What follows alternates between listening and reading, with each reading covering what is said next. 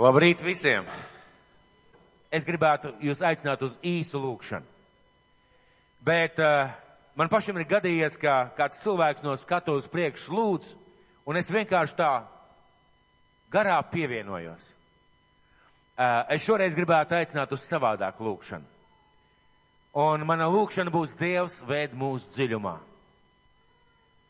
Un vai jūs varētu pateikt šīs lūkšanas laikā šos vārdus kāds personīgi? Dievs vēd mani dziļumā. Mūsu debes tēvs, viņš šodien, kungs, stāv un viss tavā priekšā. Un, mīļais kungs, mēs tev pateicamies par tavu vārdu. Kungs, jo tu ar vārdu, ar savu vārdu, radīji debesis un zemi. Kungs, tu ar savu vārdu ielika zemē pamatus un iekārtoja garīgos likumus. Kungs, un tavs vārds ir tas, kas ienāca mūsu dzīvē un izmainīja mūsu dzīvi un atveda mūs pie Jēzus. Kungs, mēs tev pateicamies par to. Bet debes tēvs mēs lūdzām, veid mūsu dziļumā. Kungs, veid mūsu dziļumā, kā savus bērnus. Kungs, jo dimanti, kristāli, dārgmetāli ir tur dziļumā, debes tēvs. Svētī mūs, ka mēs nedzīvojam pa virsu, ka mēs ejam dziļumā savā garīgajā dzīvē, ka mēs ejam dziļumā savā kalpošanā, savās attiecībās, savos meklējumos. Kungs ved mūsu dziļumā debes tēvs, ielaid mūs pa šīm garīgajām tauvām tavos dziļumos tēvs, un lai tavs vārds runā uz mūsu dzīvēm. To mēs tev lūdzam tēvs, Jēzus vārdā. Kungs ved mūsu dziļumā. Amen. Un vārds, ar kuru šodien dalīšos, sauksies, ko darīt pie Jēzus kājām, jeb visu nosaka slāpes. Ko darīt pie Jēzus kājām, jeb visu nosaka slāpes. Un uh, es gribētu jūs izaicināt nedaudz, mēģināt palīdzēt kaut ko atcerēties. Uh, varbūt kaut kas kādam ir ne tikai jāatcerās, bet arī jānostiprina savā dzīvē. Vai kāds atcerās, kas bija, kāds bija tas vārds, ar kur es dalījos gada pirmajā dievkalpojumā.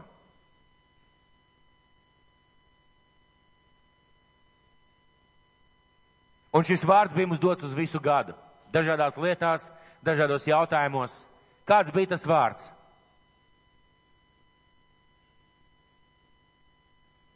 Vai kāds varētu pateikt? Dzinieties pa priekšu pēc debesu valstības. Tāda viss pārējais jums tiks iedots. Jā un āmen. Dzenieties pa priekšu pēc debesu valstības. Un šodien es turpināšu sludināt par vienu no septiņām sfērām mūsu dzīvē, par garīgo sfēru, par mūsu personīgajām attiecībām ar Dievu. Par mūsu katra paša personīgajām attiecībām ar Dievu. Un šodien es gribētu runāt par to, kā lasīt Bībeli. Un kāds teiks, Jāni, Es jau 20 gadus esmu kristietis, un tu man tagad sāksi mācīt, kā lasīt Bībeli. Es nesākšu tev mācīt, es vienkārši rādīšu no Dieva vārda. Es vēlos, lai mēs tiešām ik viens ejam dziļumā. Tā ir mana personīgā lūkšana, un es ticu, ka daudz cilvēku vēlēšanās ir iet dziļumā tajā vārdā, ko Dievs mums ir atstājis. Un tāpēc šodien parunāsim par jautājumu, par tēmu, kā lasīt Bībeli. Un sākšies ar vietu no aizpagājušā divkalpojuma, kur mēs runājām par to, ka vienas lietas tikai vajag. Tas ir Lūkas evaņģēlijas desmitā nodaļa, sākot ar 38. pantu. Ja kāds atcerās, mēs runājam par Martu un Mariju. Mēs runājam, kā ir Marijas dzīvesveids un ir Martas dzīvesveids. Un ka atšķirība ir tik milzīga, ka Jēzus nevis nosoda Martu, kura tur rūpējās vai gādā, bet viņš saka, Marta, Marta, tu rūpēji zūdies par daudzām lietām, bet tikai viena lieta ir vajadzīga. Tas nozīmē, ka mēs dodamies uz veikalu, mums vajag tikai naudu, pārējo mēs varam nopirkt. Kad mēs esam debesu valstībā, mums pirmām kārtām vajag šīs personīgās attiecības, jeb laiku ar mūsu debesu tēvu. Un lūk, lūk, evaņģēlijas desmitā nodaļa ar 38. pantu. Atgadījās, ka viņš tālāk ejot, nonāca kādā ciemā. Tur kāda sieviete Marta vārdā uzņēma viņu savā namā. Un viņai bija māsa Marija. Tā apsēdusies pie tā kunga kājām, klausījās viņa vārdos. Bet Marta aizņemta ar daudzām rūpēm par to, kā viņu apkalpot, pienāca un sacīja, kungs, Vai tu neko nesaki par to, ka mana māsa mani atstājusi, lai es viena kalpotu? Saka jau viņai, lai viņa man palīdzētu. Bet tas kungs viņai atbildēja, sacīdams, Marta, Marta, tu rūpējies un zūdies par daudzām lietām, bet tikai viena lieta vajag. Marija sev izraudzījusies labo daļu, tā viņai netaps atņemta. Tātad Marija, viņai bija māsa Marija, tā apsēdusies pie tā kunga kājām, klausījās viņa vārdos. Un šodien mēs runāsim par to, ko darīt pie tā kunga kājām. Ko viņa darīja? Ko šī Marija darīja, kuru Jēzus pēc tam uzslavēja? Kaut kas ir aiz šiem vārdiem. Aiz šiem vārdiem viņa apsēdusies, klausījās viņa vārdos. Kaut kas ir aiz šiem vārdiem. Manuprāt, mūsdienu lielākā problēma ticīgu cilvēku dzīvē ir virspusējība. Manuprāt, lielākā problēma kristiešu dzīvē ir virspusējība, jeb paviršība. Kas ir virspusējība? Tu lieto, tu zini, tu saproti tikai to, kas ir no virspuses. Tikai pa augšu, tikai tās putas, bez dziļuma. Manuprāt, tā ir mūsdienu kristīgās pasaules lielākā problēma. Mēs zinām virspusēji, mēs saprotam virspusēji, mēs saprotam Dieva ceļus virspusēji, mēs ticam virspusēji, mēs pazīstam savu kungu Jēzu Kristu, mēs pazīstam tēvu, mēs pazīstam svēto garu virspusēji, un šī virspusējība ir mūsu ienaidnieks. Ne tur ir tā problēma, ka mēs neticētu Kristum. Nevarbūt tur ir tā problēma, ka mums būtu pamaz spēka, bet Mēs neticam pa īstam Kristum, mums nav pamaz spēka tāpēc, ka mūsu dzīvē ir šī virspusējība, kas ir mūsu ienaidnieks. Uh, jo tā ir, mēs esam Dievu bērni, mēs esam kristieši. Un par daudzām lietām mēs spriežam ļoti virspusēji un sekli. Pie kam reizēm, reizēm mēs spriežam ar tik lielu dedzību, ar tik lielu entuziasmu, ar tik lielu pārliecību, bet mēs runājam virspusējas lietas. Un tā ir mūsu problēma. Jo ir tāds informācijas daudzums, ka visam nepietiek laika, uh, lai iedziļinātos, lai saprastu, lai izprastu. Un mēs daudzas lietas tveram virspusē, un varbūt par šo pasaulīgo informāciju tā arī ir. Man nav jāzina visi saimnes likumi. Man nav jāzina, varbūt, viss, kas notiek pasaulē. Man nav jāzina, varbūt, visu jaunumu dziļumi, kas kur ko kā. Bet ir kāda lieta, kas man ir jāpazīst. Man ir jāpazīst mans kungs. Tas nozīmē, ka Dieva vārdā man ir jābūt dziļi. Ne tikai daudz, bet tiešām ir jābūt dziļi. Un mūsu nelaime, ka Dieva vārds, kurā ir Dieva gudrība, Dieva atklāsme, viss, kas vajadzīgs mums, mēs viņu lasām un uztveram virspusē, uztveram virspusē un pavirši. Un pat pavadījuši laiku kopā ar Kristu, mēs bieži vien aptveram, ka mēs neesam neko sapratuši no tā, ko mēs esam lasījuši. Ka mēs esam tikai lūguši un ka mūsu lūgšana bijusi kaut kādi vārdi, kuriem nav bijis segumi. Ir ļoti svarīgi šīs lietas ieraudzīt. Mēs lasījām, lūdzām, bet tā īsti pat nekas nenotika. Ko Marija darīja? Viņa klausījās. Viņa klausījās viņa vārdos, viņa noteikti uzdeva jautājumus, viņa noteikti sarunājās. Klausīties var dažādi. Ja mēs lasām šo vienu pašu vietu, Marija klausījās tā kunga vārdos. Klausīties var dažādi. Kas ir interesanti, mācītājiem ir tā skumjā privilēģija redzēt, kā cilvēki dievkalpojumā aizmieg. Un tad ir liels izaicinājums pateikt viss, kas guļ, ceļamies augšā. Bet tā ir realitāte. Mans izaicinājums sēdējot pēdējā rindā, pat ja mācītājs runā garlaicīgi, ir sekot līdzi, domāt, lasīt tās vietas, iedziļināties, varbūt saņemt kādu personisku atklāsmi Bet nelaim tā, ka bieži vien mēs aizmiegam. Klausīties var dažādi. Var klausīties garlaikojoties.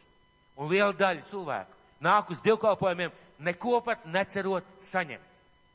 Un ja tu neko negaidi, tu neko arī nevari dabūt. Tas ir paradoxāli.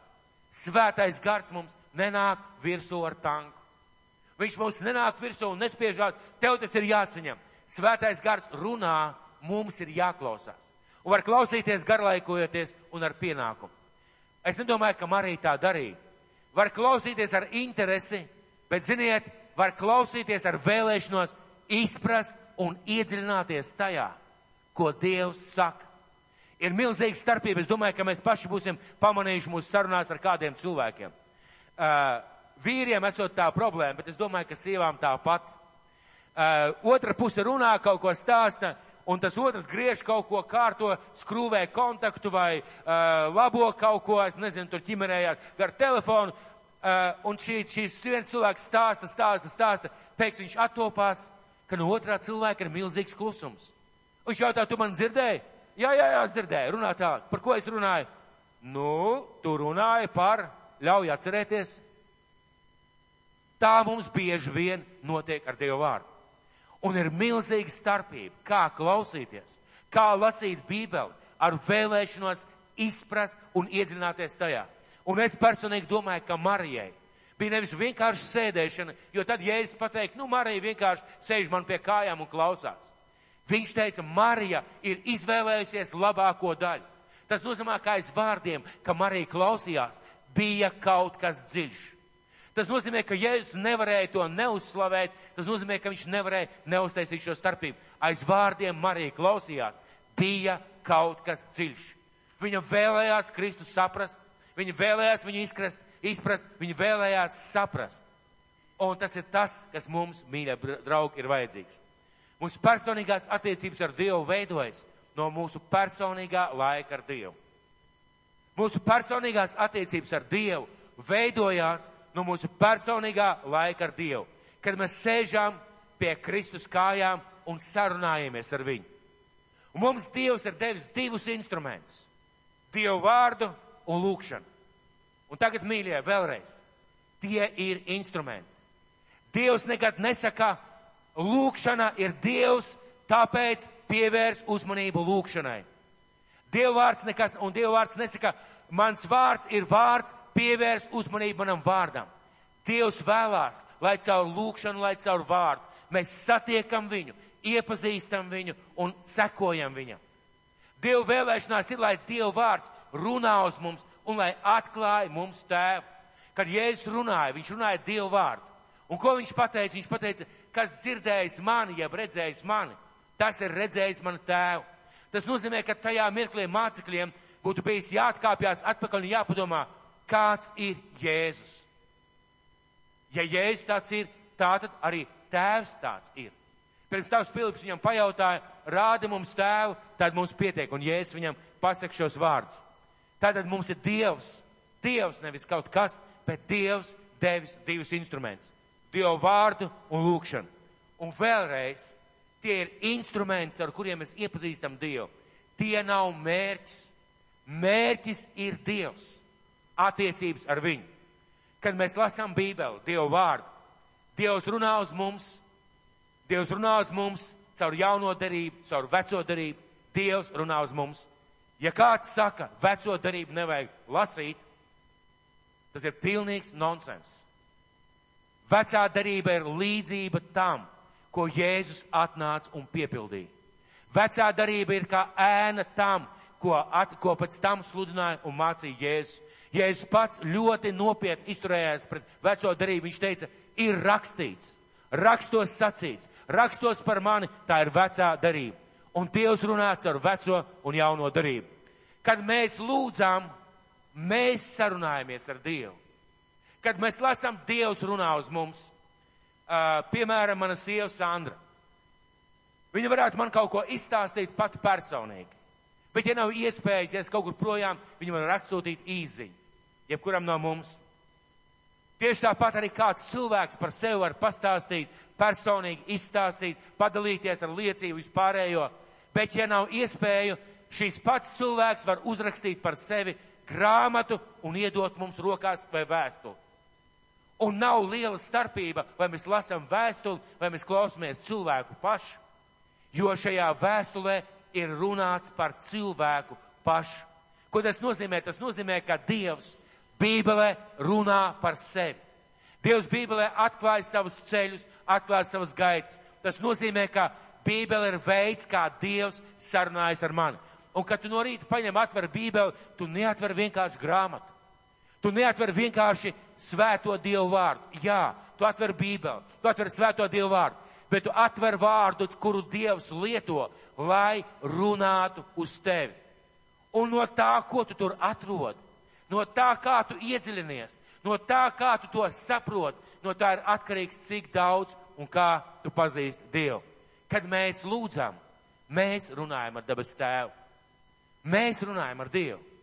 Un tas nav vienkārši bubināšana, vārdi, rituāls vai liturģija vai kaut kas tam līdzīgs. Es joprojām nespēju noticēt un nespēju saprast, kā, kā cilvēkiem var būt apmierinoši noskaiti desmit reizes tādu un tādu lūkšanu.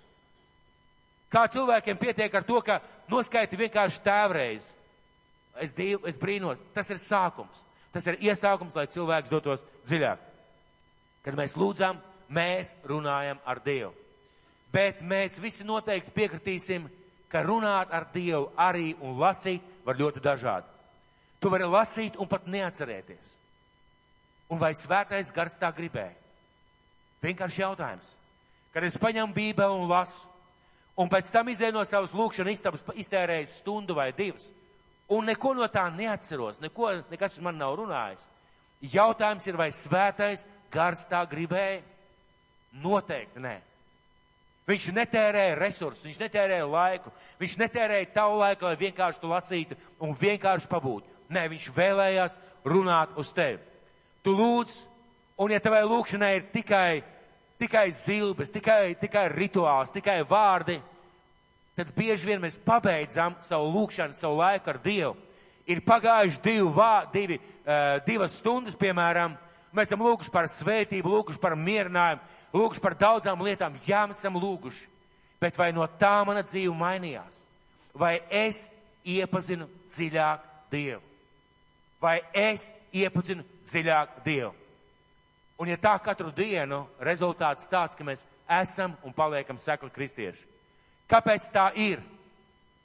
Kāpēc tā ir, ka mēs lasam, lūdzam un reizēm izējam pilnīgi tukši no lūkšana istabas? Kāpēc tā ir?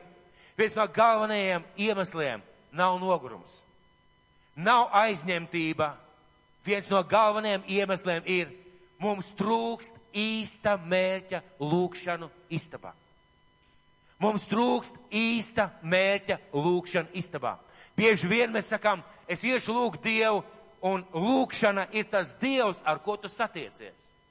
Es iešu lasīt Bībeli, man jāpalasa Bībeli, un Bībelē ir tas gala mērķis, ar ko tu satiecies.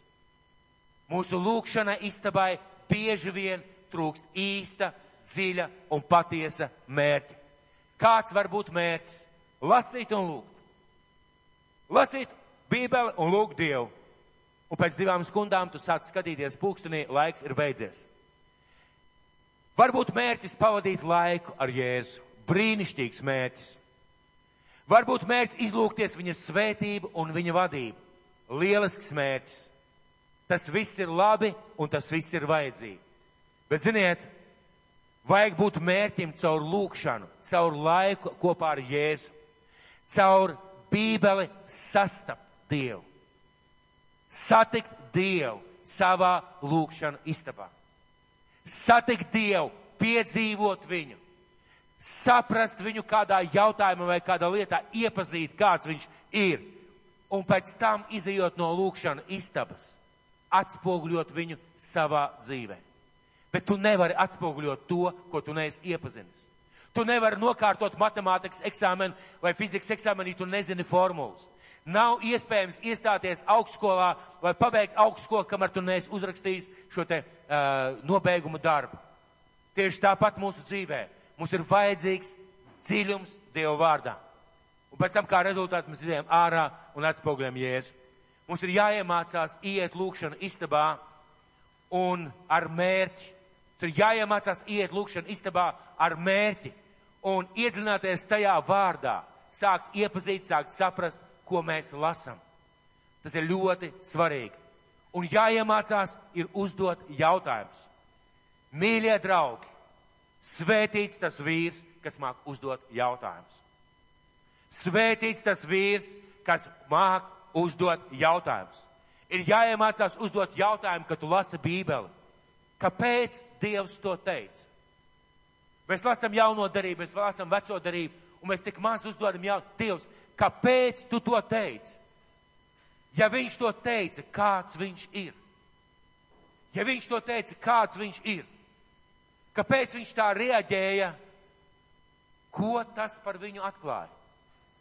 Kāpēc Jēzus teica tieši šiem cilvēkiem un nevis citiem cilvēkiem? Ko viņš gribēja pateikt šiem cilvēkiem un iemesls, ko viņš sagaidīja no šiem cilvēkiem? Kas man caur to šodien ir jāsaprot un jāsaņem, un kā tas attiecās uz mani? Un galvenais jautājums, kungs, kāds tu esi? Caur to, ko es lasu, saprast un izprast, kungs, kāds tu esi, ir jāiemācās uzdot jautājumus.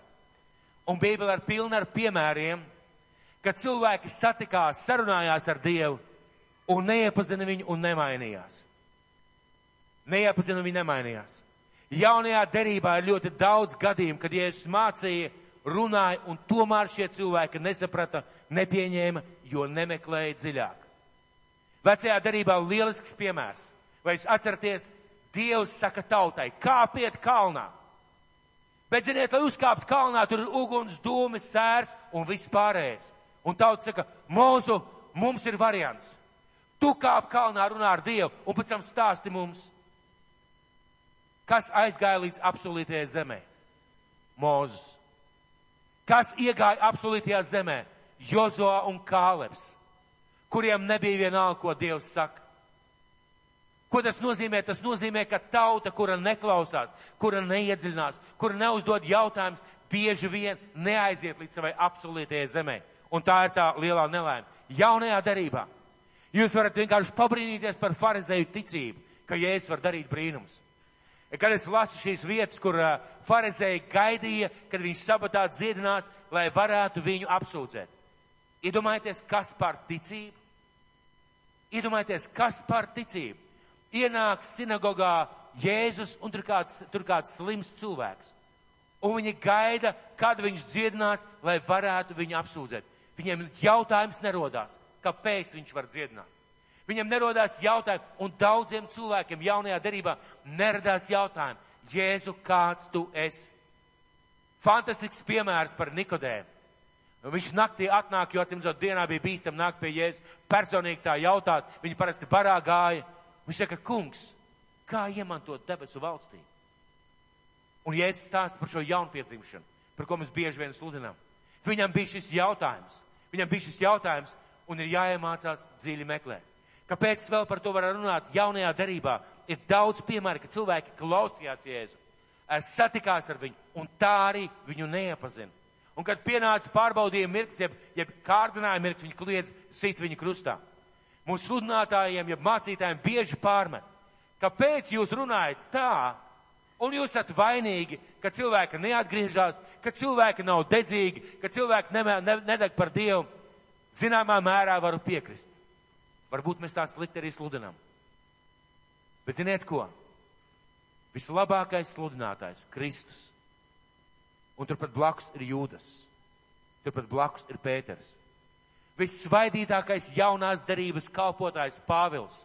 Un turpat blakus ir dēma, kurš iemīl šo pasauli un atstāja dēmu, atstāja Pāvilu viņa kalpošanā. Ko tas nozīmē? Tas nozīmē, ka mums ir jārunā, mums ir jāsludina, mums jāsludina tā, lai cilvēki dzirdētu. Bet viena no lietām, kas man, cilvēkam, kas sēž zālē, konferencē, dievkalpojumā, jebkurā vietā, Jēzu, kāds tu esi? Ko tu man caur to gribi pateikt? un mūsu lūgšana istabā, kad mēs ejam lūgšana istabā, regulāri katru dienu, ir jābūt šim mērķim. Dievs, es gribu tevi iepazīt. Es gribu tevi saprast, un tāpēc es eju savā lūgšana istabā. Kāpēc šiem cilvēkiem varbūt neizdevās iepazīt Dievu? Jo viņiem nebija mērķis izprast Jēzu. Viņiem neviens nebija varbūt pateicis, tavs mērķis ir iepazīt Jēzu un caur to izprast Dievu. Un Bībelē ir ļoti daudz labu piemēru, kad cilvēkiem pēc sarunas ar Jēzu radās jautājumi. Ļoti daudz piemēru, kad cilvēkiem sarunājoties ar Jēzu radās jautājumi, radās slāpes dziļāk izprast, dziļāk iepazīt Jēzu, saprast, ko viņš ir teicis. Un lūk, galvenā tēze visā to, ko, tajā, ko es teicu. Visu nosaka slāpes. Visu nosaka slāpes. Visu nosaka slāpes. Ja tu slāpsti un ar šīm slāpēm ej savā lūkšana istabā, Dievs runās, un tu dzirdēsi. Tev būs vēlēšanās viņu saprast, tev būs vēlēšanās izprast viņu ceļus, iepazīt viņu, kāds viņu ir. Tas ir galvenais apgalvojums. Vai atcerieties, ko Jēzus teica? Visi nāciet pie manis. Es jūs gribu atvieglināt un iepriecināt. Vai viņš tā teica?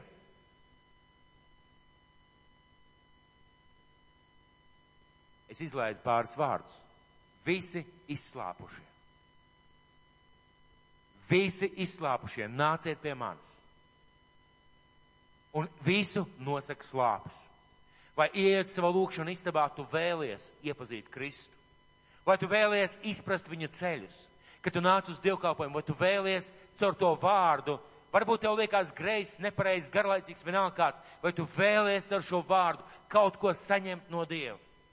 Vai mēs vēlamies, kad mēs atšķiram Bībeli, kaut ko saņemt no Dieva? Vai mēs vienkārši viņu atšķiram? Visi nosaka slāpes. Un pāris piemēri. Mēs bieži vien runājam par negatīviem piemēriem, bet pāris piemēri. Mateja evaņģēlijas 13. nodaļa no 1 līdz 4. pantam. Lūdzu, atšķiriet savus bībeles. Mateja evaņģēlijas 13. nodaļa no 1 līdz 4. pantam.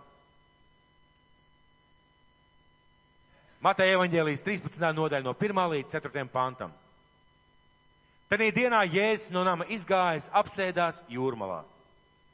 Un daudz ļaužu sapulcējās pie viņa tā, ka viņš iekāpa laivā un apsēdās, un visi ļaudis stāvēja krasmalā. Viņš uz tiem daudz runāja līdzībās un sacīja, redzi, sējējs izgāja sēt, un viņam sējot, cita sēkla krita ceļmalā un putnāts to pēdu cita krita uz akmenāja, kur tai nebija daudz zemes. Tāda, tā tūdaļ uzdīga, tāpēc, ka te nebija dziļas zemes, un tā tālāk Jēzus tātad runā un Jēzus māca. Un cilvēki klausās. Lieliski. Un beidz viņš, kam ausis ir, kam ausis dzirdēt, tas lai dzird. Un vai jūs nepārsteidz desmitais pants? Vai jūs varētu izlasīt desmito pantu? Un mācekļi piegāja pie viņa un sacīja, kāpēc tu runā uz tiem līdzībās.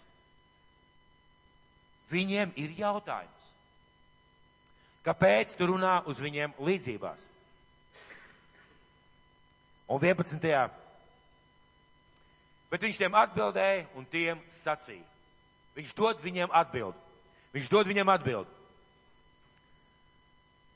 36. pants. Tad viņš runājas par šīm līdzībām, viņš saka, paskaidroja, kāpēc līdzības. 36. pants. Viņš izskaidro ar šo līdzību. Tad Jēzus ļaudis atlaides iegāja namā, tur bija arī citas līdzības, un viņa mācekļi pie tā piegāja un sacīja, izskaidro mums līdzību par nezāli tīrumā. Vau! Viņi tikko noklausījās, un viņiem ir jautājums.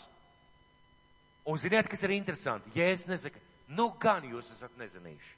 Nu, gan jūs nemācījāt klausīties. Nu, cik ilgi es jums varu runāt? Viņiem ir jautājums. Viņi pajautā un viņi saņem atbildi. Tas ir līdzīgi kā tu lasītu Bībeli un jautātu Kristum, bet kā tas attiecās uz mani? Viņi pajautā un viņi saņem atbildi. Un šī atbilde ir tālāk pierakstīta. Cik cilvēki klausījās to, to, to ko Jēzus sludināja? Cik cilvēki klausījās? Cik man klausījās to, ko es tikko lasīju? Nu, nenovērsiet savu skatienu. Cik cilvēki klausījās? Otrais pāns, un daudz ļaužu sapulcējās pie viņa. Tā ka viņš iekāpa laivā, apsēdās, un visi ļaudis stāvēja krasmlā. Jums nerodas jautājums par tādu veidu baznīcu? Baznīca, Jēzus runā, visi klausās, Visi saka, halleluja, slava Dievam, brīnišķīgs Dieva vārds. Un tad ir jocīgie mācekļi, kuri vēlās saprast, hei, Jēzu, ā, kāpēc tu runā līdzībās? Kaut kā savādāk nevar. Viņš viņiem paskaidro. Viņi iet mājās, Jēzus runā vēl līdzības, un mācīgs saka, Jēzu, paskaidro mums šo līdzību. Viņiem ir slāpes saprast to, ko Jēzus mācīja. Viņiem ir vēlēšanās saprast to, ko Jēzus mācīja. Un uh, diva veida baznīcas. Viena ir tā baznīca, kas roka meklē, kas meklē dziļi, mēģina saprast, un ir viena baznīca, kas sēž un māja ar galvu. Un ziniet, mūsos vienlaicīgi var būt šīs divas baznīcas. Vienlaicīgi var būt šīs divas baznīcas, bet mums vajadzētu izvēlēties būt tai otrai baznīcai. Apustuļu darbu. Astotā nodaļa. Apustuļu darba astotā nodaļa, 26. pāns. Šķiriet vaļā savu divu vārdu, apustuļu darbu grāmatu. Astotā nodaļa, 26. pāns. Tā kunga eņģēlis sacīja Filipam, celies un ej uz dienvidus pusi pa ceļu, kas no Jeruzalemes ved uz Gazu, tur daudz nesteigā. Mēs pamēģināsim vienu eksperimentu. Pamēģināsim vienu eksperimentu. Uh, tad Filipam celies un ej uz dienvidus pusi pa ceļu, kas no Jeruzalemes ved uz Gazu, tas ir tūkstneša ceļš, jeb šajā tulkojumā tur daudz neskaidrā, nesteigā. Jums nerodās jautājums, jeb kaut kāds paskaidrojums, jeb ideja, kāpēc Jēzus teica, ej uz šo ceļu, un kāpēc viņš saka, ka tur daudz nesteigā. Un kā viņš varēja pateikt, ej uz šo ceļu? Jums nerodās jautājums, kāpēc Filips atmodas vidū, kad cilvēki tiek dziedināti ceļās un iet uz šo ceļu. Patiesībā tur ir jautājums, bet turpināsim tālāk. Un cēlēs viņš gāja, un lūk, kāds etiopietis, etiopu ķēniņietis, kandaks, dišsultīgs galvenieks, kas pārzināja visu viņas mantnīcas, bija nācis uz Jeruzalemi Dievu pielūgt. Tātad ticīgs cilvēks, pareizi? Un ceļā uz mājām viņš sēdēja savos ratos un lasīja pravieti Iesai. Vai kāds ir lasījis praviešu Iesais grāmatu? Var kāds pacelt roku? Visi lasīja, halleluja! Jūs esat ļoti līdzīgi šim galveniekam. Prieks, prieks par to. Gars Filipam sacīja, ej klāt, turiet līdztekus šiem ratiem. Un piesteidzies, Filips dzirdēja viņu lasām praviet, Jēzē un sacīja, vai tu arī saproti, ko tu lasi? Ziniet, svētais gars ļoti bieži, kad mēs lasām Bībeli, mums uzdod šo jautājumu. Vai tu saproti, ko tu lasi? Un lielākoties mēs laikam varētu teikt, nē, nesaprotu, kungs. Bet laikam jāsazir pa priekš šis jautājums. Bet viņš atbildēja, kā gan to varētu, ka neviens man nepamāca? Un viņš lūdza Filipu iekāpt un sēsties viņam līdzās. Rakstu nodaļa, ko viņš lasīja, bija šī. Viņš ir kā aus, ko ved uz kaušanu, un kā jērs apklusis cirpē priekšā, viņš neatver savu muti. Viņa pazemošanās dēļ sots viņam atlaists, kas izskaidros viņa cilti, jo viņa dzīvība ir no zemes paņemta projām. Galvenieks Filipam jautāja, es tevi lūdzu, par ko pravietis to saka, par sevi pašu vai kādu citu? Atkal mēs redzam vienu cilvēku kuram nepietiek vienkārši ar svēto, svētiem rakstiem, kuram nepietiek vienkārši ar lasīšanu, vienkārši ar Bībeles tekstu studēšanu. Atkal viens cilvēks, kuram ir jautājums. Es tev lūdzu, par ko viņš runā. Un lūk, pāvi, šis, šis te Filips viņam tālāk atbild. Filips ar šo rakstu vietu iesākdams viņam pasludināja evaņģēlīju par Jēzu. Brīnišķīgi.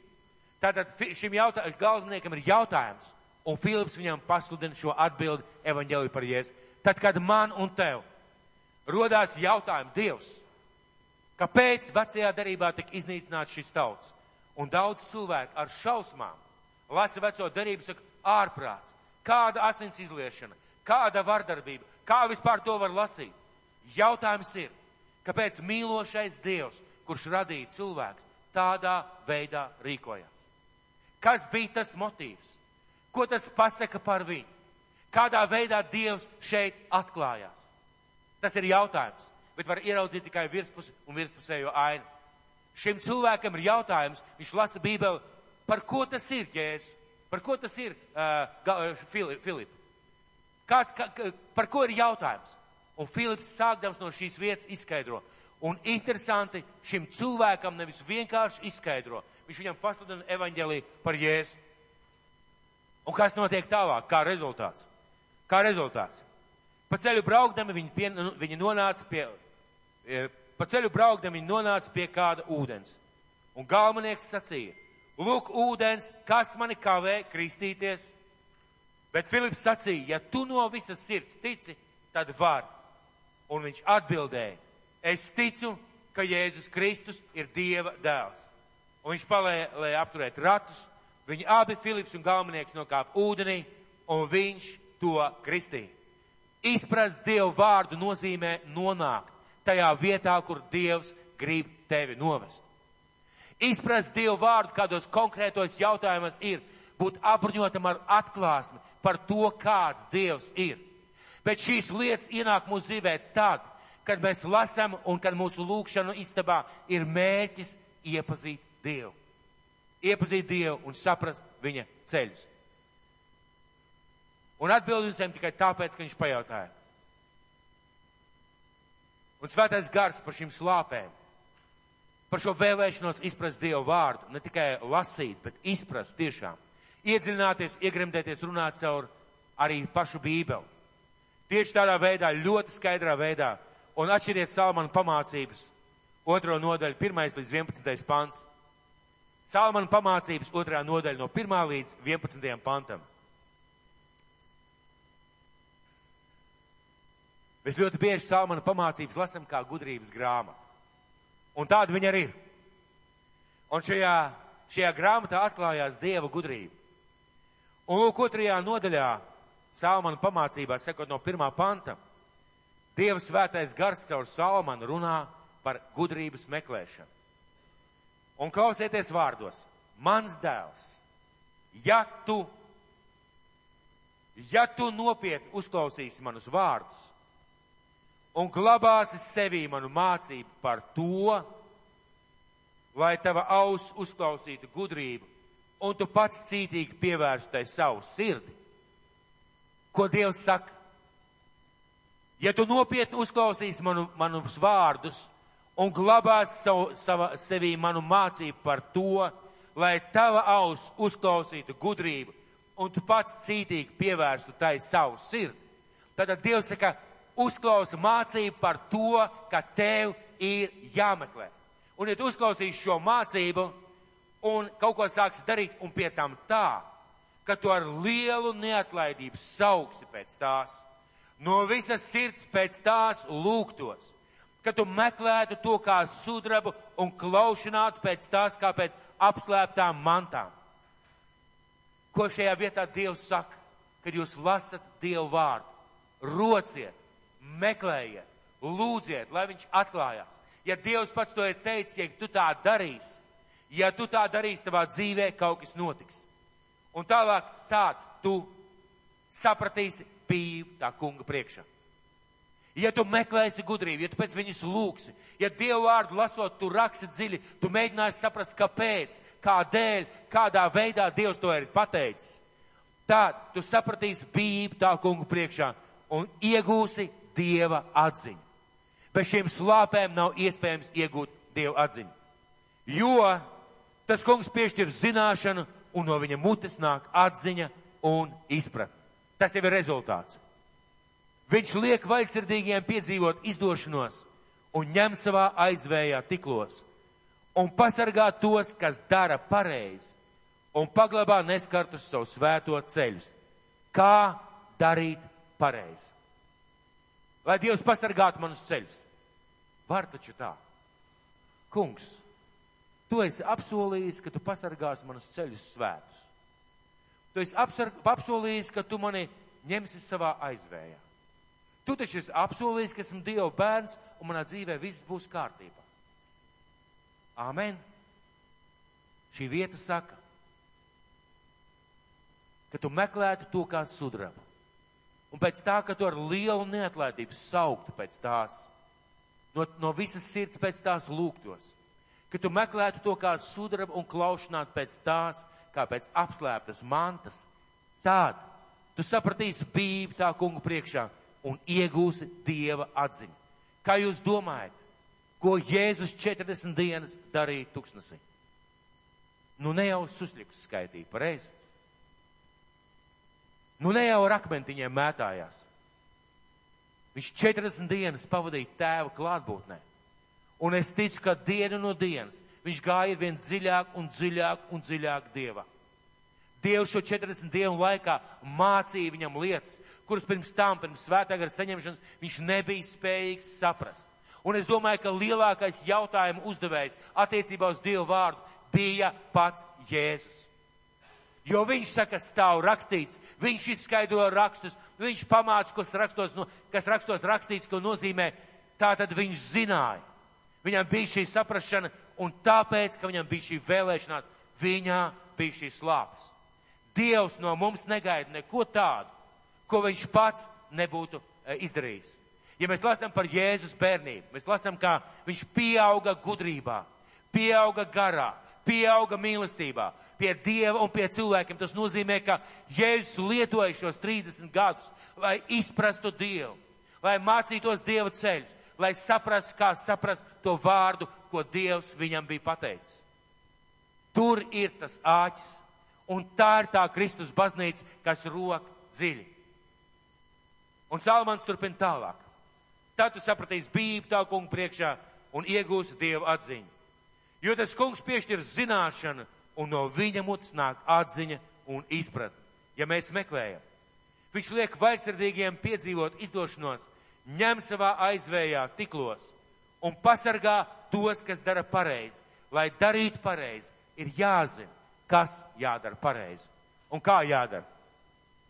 Un paglābtu neskartus savu svēto ceļus. Tād tu sapratīsi, kas ir tiesa un taisnība, kas ir skaidrs sirds un kāds ir viens ceļš uz labu. Un lūk, mūsu lūkšana istabā, mūsu personīgajā laikā, lai kāda būtu mūsu izglītība, lai kāda mūsu pieredze, lai kāda mūsu ceļa gaitas, aizņemtība, nogrums, vispārējais. Tā varbūt nevar, nebūs divas stundas, bet tas, kas tev ir jādara, tev ir jābūt mērķim, ieejot lūkšana istabā. Tev ir jābūt mērķim. Jā, Dievs priecājās, ja tu ieies savā lūkšanā istabā un pavadīsi 15 minūtes skaitot lūkšanu vienkārši skaitot kaut kādu rituālu, jo tev ir bība Dievu priekšā. Jā, Dievs par to priecājās. Jā, Dievs priecājas par to, ka tu lasi vienu nodaļu, lasi otru nodaļu, kad kaut ko atceries, Dievs par to priecājas. Bet zini, par ko Dievs pa īstam priecājas? Ja tu lasi šo nodaļu un iedziļinies šajā nodaļā, ja tu lasi šo nodaļu un meklē Dievs, kāds tu esi, kāpēc tu tādā veidā rīkojies? Piemēram, lielais jautājums. Lielais jautājums. Kāpēc Jēzus ieiet farizēju namā, farizējs viņu uzaicina, un farizēju namā viņš kārtīgi nodod farizējiem skaidu. Viņš pasaka, jūs liekuļi, jūs čūsku dzimums, un lielais jautājums, kāpēc Jēzus tā rīkojās? Viņš vienkārši bija nepieklājīgs. Viņam vienkārši gribējās aizvainot nama saimnieku. Viņam vienkārši gribējās izgāzt savas emocijas. Jautājums, kāpēc? Un lūk, ja es šo jautājumu saprotu, ja es iemācos lasīt starp šīm rindiņām, ja es izprotu Kristu šajās niansēs, es kļūstu spējīgs rīkoties viņam līdzīgi. Ja es rīkojos viņam līdzīgi, iestājās tas pants, kur rakstīts, es pasargāšu ta, viņu tavos ceļos. Vienkāršais, jeb, kā šeit bija rakstīts, kā šeit bija interesanti rakstīts, vaļsirdīgais piedzīvos izdošanos un ņem savā vējā, aizvējā tiklos un pasargā tos, kas dara pareizi. Es domāju, ka bieži vien cilvēki lieto vārdus Bībelē rakstīts, Bībelē teikts, lieliski, ja mēs varam tā teikt. Bet ziniet ko? Cik labi ir, ja mēs spējam paskaidrot, kāpēc Bībelē tā teikts. Ja mēs spējam paskaidrot, kāpēc Jēzus tā teica. Kas bija tas iemesls, kāpēc viņš tādā veidā runāja? ko tas atklāja par viņu sirdi, par viņu nodomiem. Piemēram, cik daudziem cilvēkiem tik ļoti Dievs mīlēja pasauli, ka viņš atdeva savu vienpiedzimušo dēlu. Un tas ir vienkārši kā skaitām pantiņš. Pamēģiniet iedomāties, Dievs skatās no debesīm. Viņš redz grēkos grimušo pasauli. Viņš redz visu to vardarbību, visu to netaisnību, kas notiek uz zemes. Un viņš spēja mīlēt tos cilvēkus. Viņš spēja sūtīt savu vienīgo dēlu. Viņš spēja nolūkoties, kā viņa dēls, dēls teikt, pazemots un pienaglots krustā. Kāda ir viņa mīlestība?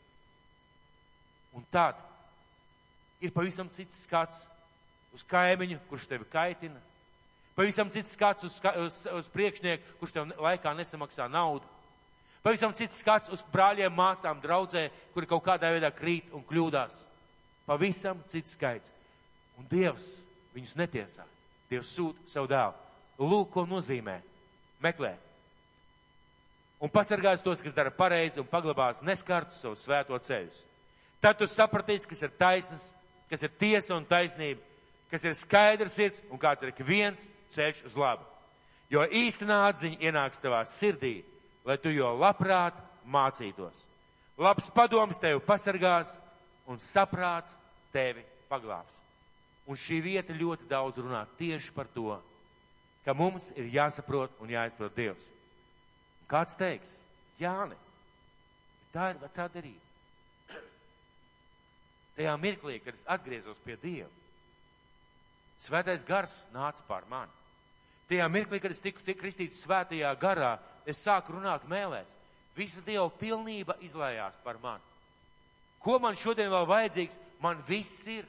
Esmu pilnīgi jauns radījums Kristu, man viss ir. Tad kāpēc runā Pāvils par to, atjaunojieties savā prātā? Tad kāpēc Pāvils svētajā garā, Pāvils, kurš pazina garīgo pasauli, Pāvils, kurš bija trešajās debesīs, Pāvils, kuram bija autoritāte ļaunos garus izdzīt un slimos celt augšā. Pāvils, kuru Dievs apzīmoga ar svēto zīmogu tā, ka viņa vārdi, viņa atklāsmes, viņa, viņa domas caur svēto garu ierakstītas Bībelē. Šis pats Pāvils Bībelē lūdz par tā laika draudz. Ja kādam kaut kas ir, par to vairs nav jālūdz. Ja kādam kaut kas jau ir kabatā, kāpēc lūgt par to, lai tev tas būtu kabatā? Bet lūk, ko Pāvils lūdz par tā laika draudzi un arī caur vārdu par šī laika draudzi. Un vēstuli Efeziešiem, pirmā nodaļa no 15. līdz 19. pantam. Vēstuli Efeziešiem, pirmā nodaļa no 15. līdz 19. pantam. Tāpēc dzirdēdams par jūsu ticību uz kungu Jēzu un cik ļoti jūs mīlat visus svētos varētu teikt pati pilnība.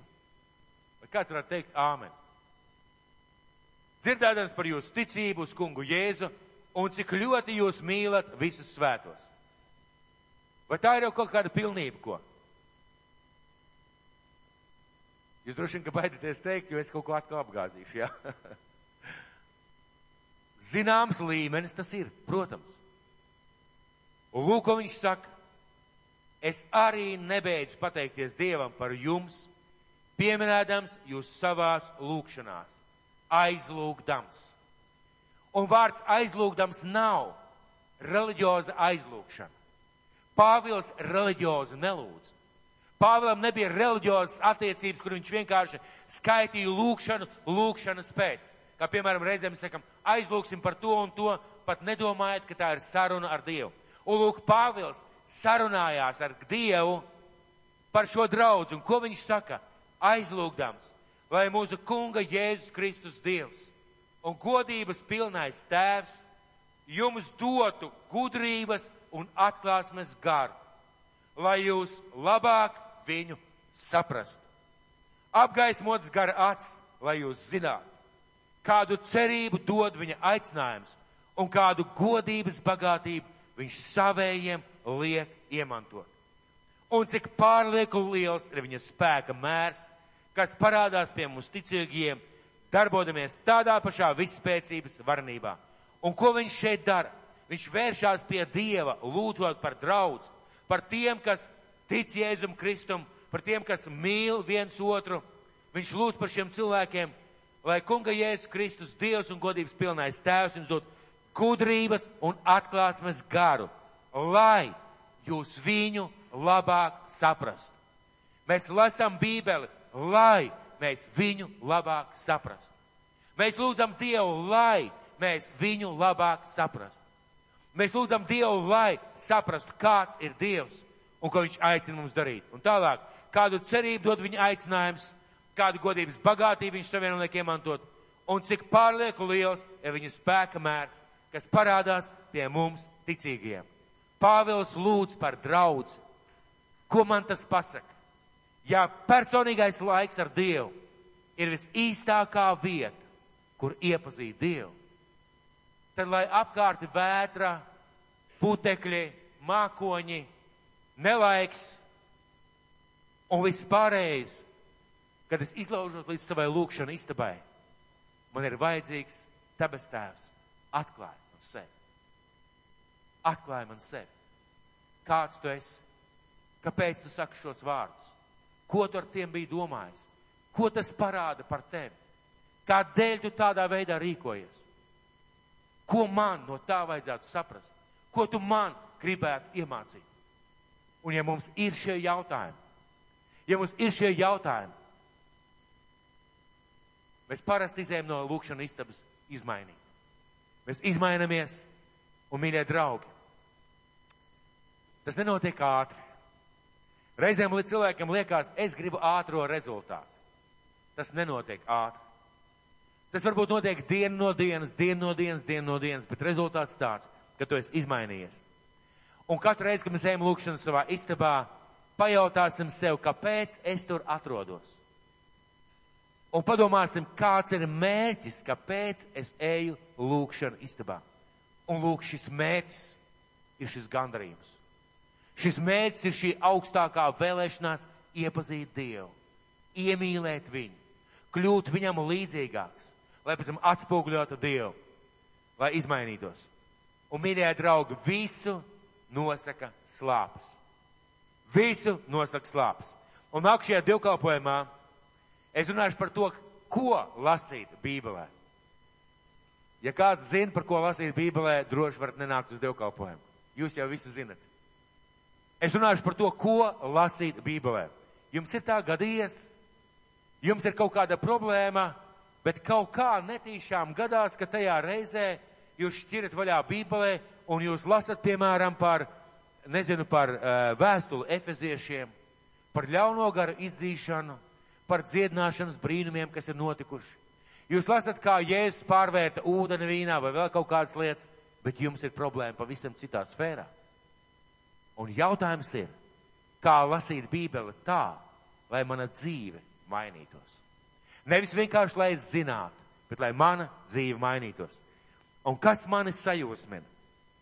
Man sajūsmina tas, ka Dievs ir teicis, ja kam trūkst gudrības, lai to lūdz no Dieva. Viņš nevienam nepārmet. Jūs pamanījāt, ka mācekļi uzdeva tik dumju jautājumu. Jēzu, kāpēc tu runā līdzībās? Un Jēzus viņiem paskaidro. Viņi bija no lauksaimnieku kultūras, no zvejnieku kultūras. Viņiem bija jāsaprot par šiem augstnēm. Un kad viņi pajautā, izskaidro mums šo līdzību. Jēzus nesaka, vīri, jums taču vecā māte tur dārzu apstrādā visu mūžu, tu nesaproti, par ko ir runa? Viņš viņiem izskaidro.